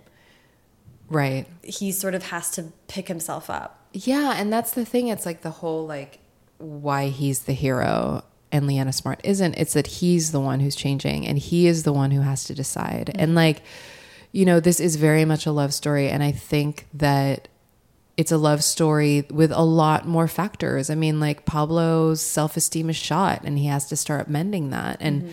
the way to do that is to do like esteemable acts and to just take a small action. And I think that paralysis by analysis is so huge. And I think that it is chief among the reasons why a lot of us have anxiety and depression right now because it's like the thing, you know, you're making a lot of thousands of promises to yourself that your ass can't cash and you're refusing to make a single promise. Yeah, right. You just got everything on the board. Yeah. And I really like the idea of like looking at that and also like destigmatizing it a little bit and saying that like everyone deals with this. Yeah. And you know, a lot of people say that, you know, that comparison is the killer of joy. And I, I believe that. And compare and despair is very real. Mm-hmm. And comparing is you comparing your insides to other people's outsides. Yeah. And when you are dating someone whose outside is so big, like what does that feel like? Yeah. So interesting. Yeah. And a very modern, like, I mean, I like that both of your stories are modern love stories. You know, they're very of the moment in a way that's, it then it makes it feel timeless in this interesting way. You know what I mean? Yeah, and in the same way that like emergency contact, I was like, I don't want to do a lot of abbreviations. I don't want to do a lot of slang. Like in permanent record, I was very deliberate about using kind of slang that like weird New York heads that have been here for a long time just use. And like, of course, some of it's like really washed, but I also find it so interesting that like, because New Yorkers were all like crammed in together and we know so many people and we like look up to certain people and we, it's like high school. And so, mm-hmm. I, I'll definitely like see like 20 year olds using slang that like like 50 year olds use and i'm like oh this is because that influence still really carries through Yeah, I do Yeah. want to. That's a perfect transition because I do want to ask about the language in this book because it is like aggressively colloquial. It's also Right. so New York. Like I've been here enough visiting my best friends to be like, oh yeah, this is the bodega, like conversation you overhear. you know what I mean? So what was the what was it? Did it feel just like talking? I mean, that was like based on a lot of New York dudes who I know. And like obviously like a part of it is like not it's like a love letter to Desus and Mero from um, the Bodega Boys, uh, Bodega Hive. Um, forever and but also it's like my friends like who do this podcast called Chillin' Island. It's like just like New York heads who now have kids mm-hmm. and like who now have like some of them have office jobs. A lot of them are still artists and still dirtbags. And, you know, I've been here for such a long time now and I love these people. It's just fun to hear you say earlier, like, if I could just write like I talk, and then to read this book where it was just like, I hear a voice saying it. You know, it's not my normal inner, like, British schoolmarm voice reading a book to me. It was like, oh no, I need a new character to read this book out loud to me. Um, and I know exactly like where that character comes from. Right. And that's the thing. It's like I wanted that to feel like to feel that too. Like Yeah. anyone who's spent any time in New York being like, oh my God, I know this person. Um, I love all of this. Not, I don't want to harp on it either, but but Pablo is half Pakistani, half Korean, and Penny in Emergency Contact is Korean, um, Korean American. And it was, it felt like really seamless. Like it was a thing and it wasn't a thing. Mm. Do you know what I mean? No, totally. And that's like the goal. Like, Yeah. you know, my next book, everyone's like something else. And it's just like, I don't want the race to be incidental. Like, I do want it to be a conversation. If anyone should want to adapt this, please, everyone adapt this um, for a screen and like what that conversation is re- regarding casting. Mm-hmm. But I want it to be incidental in terms of like, it's not the only thing that defines identity. You know? Mm-hmm. Yeah. Okay, I want to talk about addiction and fiction, addiction fiction, and then we'll wrap up with advice. Okay, Does that sound good? Yeah. Okay. And this is kind of tied because I had so much fun listening to Hey Cool Life, which sounds kind of like fun listening to a podcast about uh, mental health. Um, and you're so honest and vulnerable in that podcast. But it was fun because it was soothing and it felt really real. And I felt like I was just hearing parts of my therapy sessions like repeated back to me, which was very affirming. Um, but in Hey Cool Life, you talk a lot about the fact that you're an addict and you kind of have Uh, the ability to self identify with that. Let me tell you what my impression is, and you tell me if I'm wrong. Okay. It felt like you were able to say, I am an addict, and that was a way for you to access a lot of understanding about how your brain works. Yeah, totally. Does that make sense? Absolutely. And then I'm interested in how being an addict means you get to lock in because you did do a 12 step program. Mm-hmm. You are a part of a community that talks about itself and mental health a lot. And that feels actually like such a boon to have like the language around 12 step stuff is so structured and there's such a network there. I mean, like there's a lot of positives to like being on the side of it and having a community in that way. Not a question, but I'm just interested in what, you think about that. No, I'm so grateful to be talking about this. And I, I really do like talking about it because I think that um, mental health isn't super discussed in certain communities and certainly not mine. Like, my mother calls any mental health issues um, in Korean, which means the noise of a full stomach, and by that she means that like you're so well fed, you're well clothed, your Maslow's hierarchy is completely satisfied. Ergo, you are searching for things, and one of them is this complaint around your mental health. And so it's like, it's like that whole thing of like. She also doesn't think that like um, lactose intolerance is real. You know what I mean? Like Yes, yeah, this, right. and and to be honest, like this is someone who grew up in famine. And like, so I understand why this is so for this person. So that's why I really like talking about mental health. And so I am an addict, and what that looks like is I started using food to soothe and sugar predominantly, um, but pretty much anything from the time I was like five or six. And I think that I'm just a sensitive person. Like, I think that I take on a lot, I observe a lot. I think that a lot of artists and creatives, especially writers, are that way. And at those at that age, I didn't have the faculties to sort of like um, parse what it was that I was seeing. All I knew is that it was upsetting and it felt unsafe. Mm-hmm. And you know, part of that is that my parents are workaholics and that they've always been in restaurant restaurateurs, which means that they work late, late, late at night. And oftentimes we didn't have babysitters. And so I remember being a kid and being like, I wish I could fast forward to the part where my parents are already dead mm-hmm. because they've been murdered tonight and I just don't know. And I'm the stupid kid who's waiting by the door when looking out the window for these pe- for these people to come home and they're not going to come home. I, and I'd be like, I would rather them be dead and know now than to not know for the next six hours. And so that was always like so my thing. yeah. And so like food helped and kind of took me out and that was really good. And then when I got a little bit older, like I found alcohol. I found alcohol when I was about 11 and then I found uh, weed when I moved to New York and and like cigarettes off and on throughout that time and but food was always the easiest. And I would steal food I would steal money to buy food. I would um, you know binge and purge when I started gaining weight because of the food. And then I started like stealing money for um, diet programs. And then I'd always be on a diet. And then I was on, on a diet from the time I was like five or no, I started using food four or five, and then I was on a diet from the time I was like eight.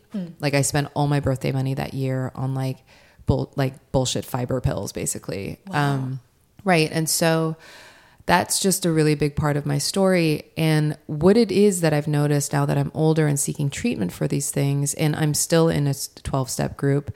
The 12 step group that I go to is Overeaters Anonymous, which is interesting because that's there are other like food addicts anonymous and whatever, but it's interesting only to note that bulimics and anorexics also go to this thing. So it isn't just for like binge eaters and overeaters. And it's for anyone with any permutation of this particular um, and in the program you call it a disease or addiction. And yeah and that really helped me find language to speak about these feelings. But more than that it's like i would hear someone tell my story. So like people would be like you know i was talking to someone who was telling me that they were going to die and they had cancer but there was popcorn on the coffee table between us. And so I couldn't hear anything. And later I had to eat eight bags of popcorn because I couldn't eat the popcorn on the table. So I deserved the eight bags of popcorn. And I was just like, oh my God, that's me. Or, you know, people be like, how many of you have called in fat to work where you just can't go into work because you feel too ugly? And I'm like, oh my God, that's me. How many people have eaten food out of the trash? That's me. How many people who have to throw a packet of salt on top of their food and on, under their napkin if they really want to stop eating. I'm like, oh my God, that's me. And so I just started collecting data on all the instances in which I would use food or I would use dieting. I believe from the time I was eight to the time I was like now, and on my worst days, I still believe this that if I lose 15 to 20 pounds, my life will be perfect. Mm. Like truly, people will treat me differently. I will have different opportunities. I will be largely adored. The script will get written. The ninth book will be all plotted out. Like everything will just work because this is the one tiny thing that would have to change. And so there's a lot of magical thinking around it. There's a lot of future tripping. There's a lot of I will be perfect when mm-hmm. instead of I am moving through life now and I need to accept my day. And I'm now grateful because if I've eaten lunch and I'm hungry, then something's bothering me. Mm, interesting. And so that's how I use my addiction where I'm like, okay, what is it? And, and I'm like, oh, I have a resentment because I made a plan with someone that I would I don't want to keep. Mm-hmm. So I have to go back and have a, an uncomfortable conversation with this person. Mm-hmm. Or like I am hungry because I am scared of the book I'm about to write. Okay, well, you're scared. Like, make a cup of tea, mm-hmm.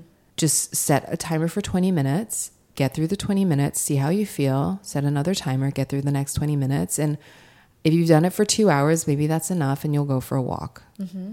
But I know that when I'm hungry and I've eaten, that it's something else which you talked about on the mini pod the the sense of intuition. Mm, yeah. And um, i forget exactly how you phrased it but something to the point where you were saying as an addict do you feel like your intuition was like you're having to rediscover it kind of? Yeah so you know there's that whole thing of when you mute or stone out of a bad feeling mm -hmm. you also stone out of all the joy. And what that ha- happens is that it kind of dulls the edges of like cognition mm-hmm. for you. And so I have a very atrophied sense of what I want. Mm-hmm. Like I don't know what I want at all beyond like what I want to eat. Like and that's just a part of disease because that's the only muscle that got any push-ups throughout right. the years. Right. So now it's like in terms of work or even friendship or anything I have to use certain like like devices, which is that like I'm like, okay, you have a job offer. Oh no. Do you want it? Do you not want it? I have no idea. Okay, does it pay enough? Sure. Is it high profile enough? Sure. Do you have the time? Maybe. I don't know. I, I set my own schedule. How do I know if I have time? I have no idea. I have no idea. I have to tell myself Tahiti. And what that means is if this job went to Tahiti, would there be a part of you that would be relieved? Mm. If there's even a speck of relief blood in a crystalline pool, I say no to it. Mm-hmm. If it goes to Tahiti and I'm bummed out, I say yes to it. Yeah. And like I don't I don't know what I want ever. So I have to be like Tahiti. and I have to be like, if this girlfriend went to Tahiti, then blah, blah, blah. And I'm like, oh, I'm relieved. I'm like, okay, demote this girlfriend. You don't have to see this girlfriend on her timeline that is an inconvenience to you that you don't want because mm-hmm. she's also you know she wants to drink at a bar and you don't drink so like right. say no like tahiti says no right right right right well that's kind of what i mean as far as the fact that you have done the work to recognize what was going on with you and to seek help and find a community is like so incredible and and so admirable and then you also get all that language and these other like the people are telling your story but they're also saying right like how yeah there's nothing like therapy and 12 step. And another reason why i love 12 step so much is that it's free like you just pay the rent on the room and oftentimes that means like anywhere from like two to three to four dollars for that hour mm-hmm. it's it's basically group therapy with a bunch of people. I know a lot of people take issue with the higher power stuff. They're like, no, it's all God. And for me, um, the way I define my higher power is just like whatever made music and the ocean. And for me, that is just like a benevolent energy that like is the universe. If you think that's corny, that's cool. Like I really urge you to define it however however you like. If you mm-hmm. want to pursue twelve step, if that's the only thing that's keeping you out of the rooms, then you know there are sort of workarounds to that and but language is so important in the same way that like it took me a long time to call what had happened to me trauma because I was just like, well, I didn't go to a war. Like, why is this allowed to be called trauma? When I gave myself permission to call it trauma, then there was more understanding and there, there's more of like a a congruence or like a correctness or an appropriateness or a reassurance that what I had experienced is what's like showing up in my body. It's like my fear around it is attributable to trauma. Mm-hmm. Like me being unable to do, do certain things is the behavior of a traumatized person. And like it's like the greatest thing to have a label maker and to constantly talk about people who you know and like my my husband was kind of struggling with it where he's just like man you really talk in a lot of program or you talk a lot of a lot of like therapies mm. and it's like uncomfortable for me because it it, it makes it feels like an artifice mm. and i'm like that language exists for precision and safety and it is sort of neutralized and that might give you this like weird like milk toast freaky uncanny valley language feeling mm-hmm. and that's also really valid and we can address that and talk about it but I know what to call everything. I, I have little adages. It's like when you're in love and suddenly love song lyrics are actually really like poetic and yeah. like really potent. They're not cheesy at They're all. They're not cheesy all at all. Yeah. And like in the same way, when you're in recovery, you're like someone reminding me that you are not your thoughts. Like, I am not my thoughts. That is just the little label that I needed for my feeling for today. Yeah. And like those things just sort of appear when you really seek them and when you need them and when you like make your need known. Mm-hmm. And like making your need known has everything to do with first telling yourself that you have a need. And so that's another reason why I am grateful for my eating disorder because I'm like, you know, my intuition is shot. And so if I'm hungry, but I'm not hungry, I start looking. Already that I'm looking is a pause. Mm-hmm. And already that I'm pausing, you know, again, another corny adage, but it's like the acronym please assist until sanity enters, which is just like I take myself, sometimes I'll set a timer for two minutes and just take myself out of a situation. And I learned that from all these other addicts who mm-hmm. I love. Yeah. Yeah, which is like that's so interesting too. The the therapies. I mean, that's very real, but it's also like you just need the building blocks to know what you want. Like then you can. That's the foundation yeah. and then you can build your own language once you know what you're trying to say or how you are and having that language gives you permission to have these feelings like labeling feelings is so important yeah. because then you're not like i swear to god and like for my entire life, I was just like, don't be a spaz or don't be a fucking pussy. Like, I don't even know where that voice is. It's like what, like, Chad in my head is like giving me that. But it's like, don't be a pussy, don't be a spaz, don't be a pussy, don't be a spaz. And I'm like, or it's like 60 different feelings that I just don't have names for. Yes. And so this entire period of my life has just been me with like a little label maker being like making little stickers and being like, okay, that's loneliness. Or that or that's like apprehension. Or guess what? You know what you find most ex- upsetting, more upsetting than anything? You find joy really upsetting.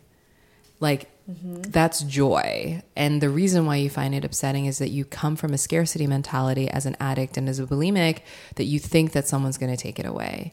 And you can't, you think it like is tempting fate to be happy about anything. Nothing makes me hungrier than joy. Like truly, like, Right. and nothing what's me makes me want to get drunk more than joy. Mm-hmm. And it feels like on one hand you're, you're you're selling yourself this narrative of like, well, you're celebrating, but I don't celebrate. I like terror joy. Like I only like I only dread drink. Like mm. that's just mm-hmm. that's just my thing. Yeah.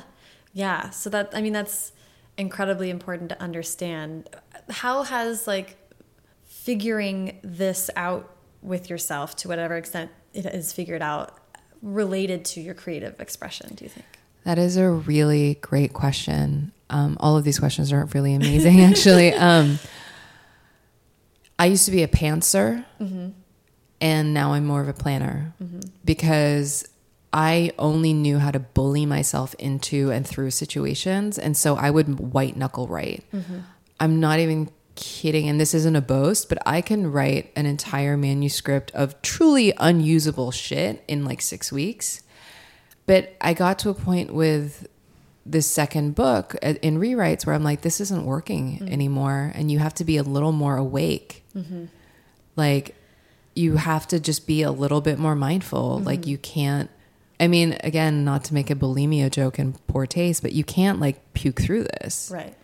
And like I loved that feeling too. Like I love just expulsion, like explosive ex- expulsion of words to at the cost of all my personal relationships, at the cost of my own mental health, at the cost of like me like going to the gym and like taking care of myself, like me doing anything, mm-hmm. like having normal meals, like things I need mm-hmm. baseline just like do writing this book so fast the rest of me won't notice. Mm-hmm, mm-hmm. Like I don't get away with that anymore and it really sucks. I would love to black out write in the same way that I used to, Right. but it only meant I was writing like nine drafts. It, it like only meant like I was I I I had to like actually muddle through it when I'd come to. This is the like what I've been thinking a lot about lately is I told my therapist I was like working hard is not my problem. That mm. that takes care of itself. That's like me waking up. Working hard is not my problem. Working smart is a huge problem. Yeah. Um, because I would very like I'll gleefully jump into a task that is like data entry for eight hours because a part of me is just like then you'll just feel productive like you just like scratch that itch all day until it scabs. Um, but that's not helping anyone. My time is a lot more valuable than that. Like, and it's a matter of being like, step back and just like really be smart about your decision making. But that means you have to conceptualize everything and really th think deeply and concentrate deeply. And that's fucking hard to get yourself roused up for. And it's scary because you're really on the hook. yeah. Like you really are like that's the thing about making a decision in like a wakeful state is that you're on the hook for having said that. Yeah. And so if you're wrong, you're like, but then I'll be humiliated. And that's why now when you're wrong, you're like, oh, I was wrong. What great data to have for the next decision. Right. That's true. Actually, thinking about it as a thinking about life as an ongoing experiment.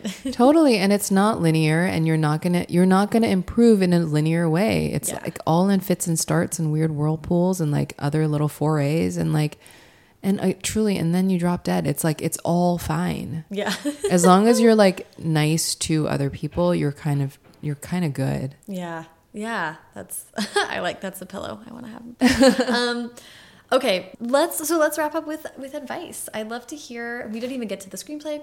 Okay, we'll just have to talk again in the future. Um, I'd love to hear advice for people who are telling such personal stories. Your your books are so powerful because there's sort of boundaryless feeling in feeling like they're so real And I'm just wondering if you have any practices for like self care to like separate yourself from your books or what you have thoughts about that.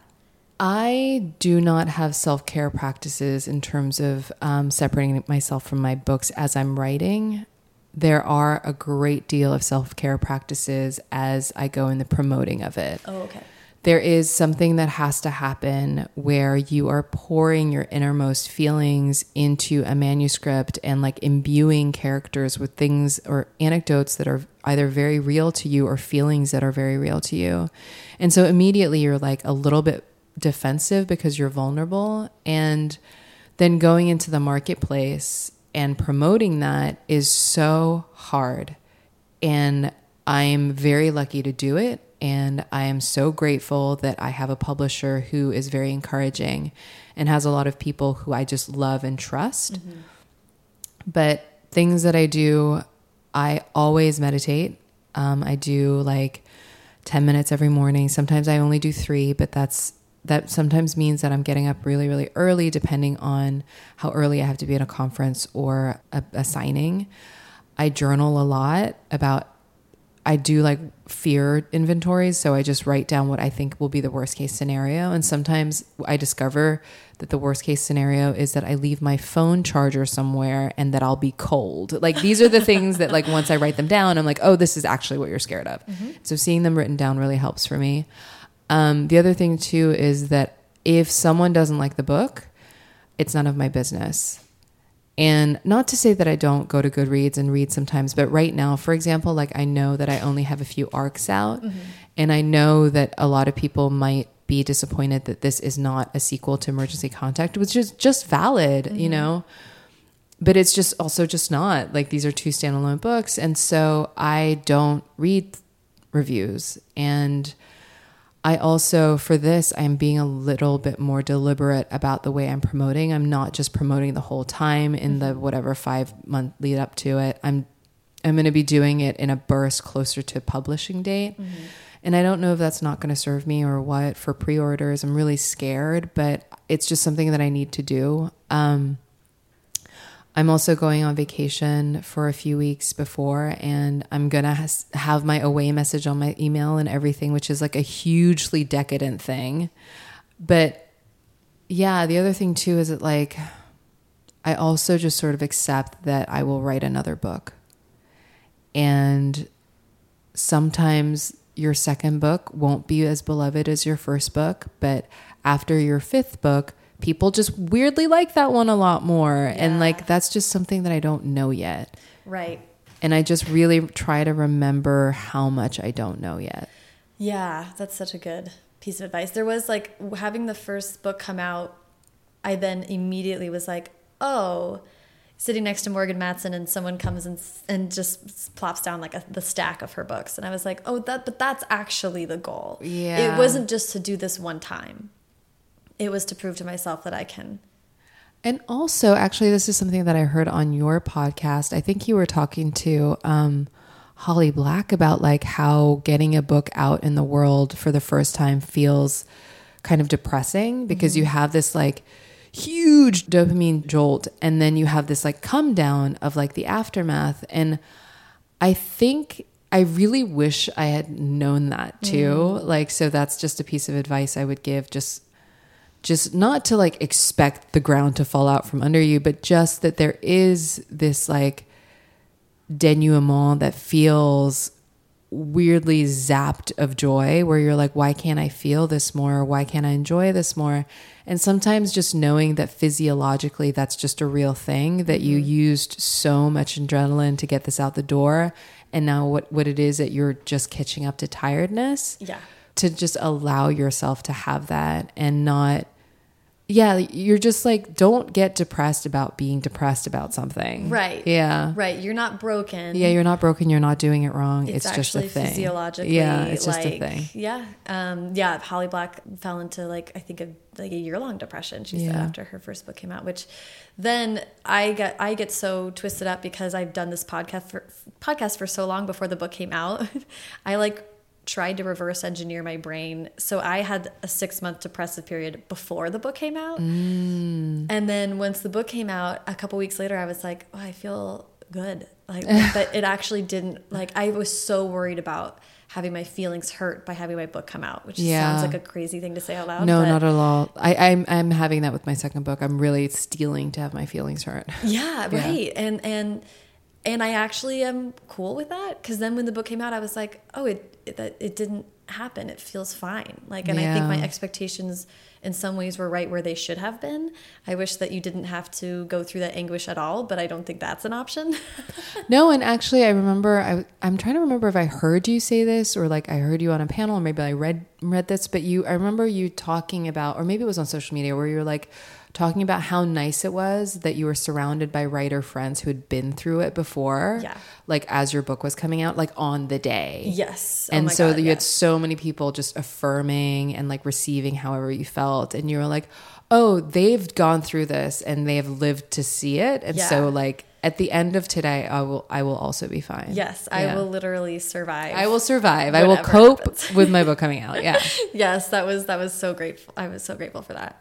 congratulations by the way Thank like you. yeah Thank you so much, and congrats on the second book. Oh, That's thanks. not a foregone conclusion by any stretch. yeah and still isn't so we'll see Um, well, I loved it. So thank, Thank you so much for talking to me today. oh thank you yay Thank you so much to Mary. Follow her on Twitter and Instagram at Choi to the World. And you can follow me on Instagram and Twitter at Sarah Enni and the show at First Draft Pod. For links to everything Mary and I talked about in this episode, check out the show notes. Those are at firstdraftpod.com. I make show notes for every episode, so if those are of particular interest, you can go down many internet rabbit holes based on stuff that we talked about. Um, it's a fun, rollicking time, I must say. Do you have any writing or creativity questions that you would like me and a future guest to answer in upcoming episodes? I hope you do. And I really want to hear from you. Um, so please leave a voicemail at 818 533 1998. That's again 818 533 1998. I really want to get into listener questions and kind of have me and a guest maybe do a mailbag episode or incorporate those into future interviews. So please go ahead and give me a call, leave me a voicemail. I'd love it. You can also email the show at firstdraftwithsarahenni at gmail.com. If you enjoyed the show today, please subscribe to the podcast wherever you listen and leave a rating or review on iTunes. Oh boy, I love these iTunes reviews. You guys have left really, really kind ones in the past, and I read all of them and I cherish them. I'm going to read a recent five star review that was left by user Squirmy Squirrels, which is fun to read and fun to say. Squirmy Squirrels says, charming, insightful, funny, breadth, crafty. The only writing podcast I listen to. That is so sweet. That's so nice to hear. Um, I really, really appreciate everyone that takes all the time to get all the way over to iTunes and leave a review like that. And um, Squirmy Squirrels, I'm so glad you found the show. Haley Hirschman produced this episode. The theme music is by Dan Bailey, and the logo was designed by Colin Keith. Thanks to production assistant Tasneem Daoud and transcriptionist at large Julie Anderson. And as ever, thanks to you, Tahitians, for listening.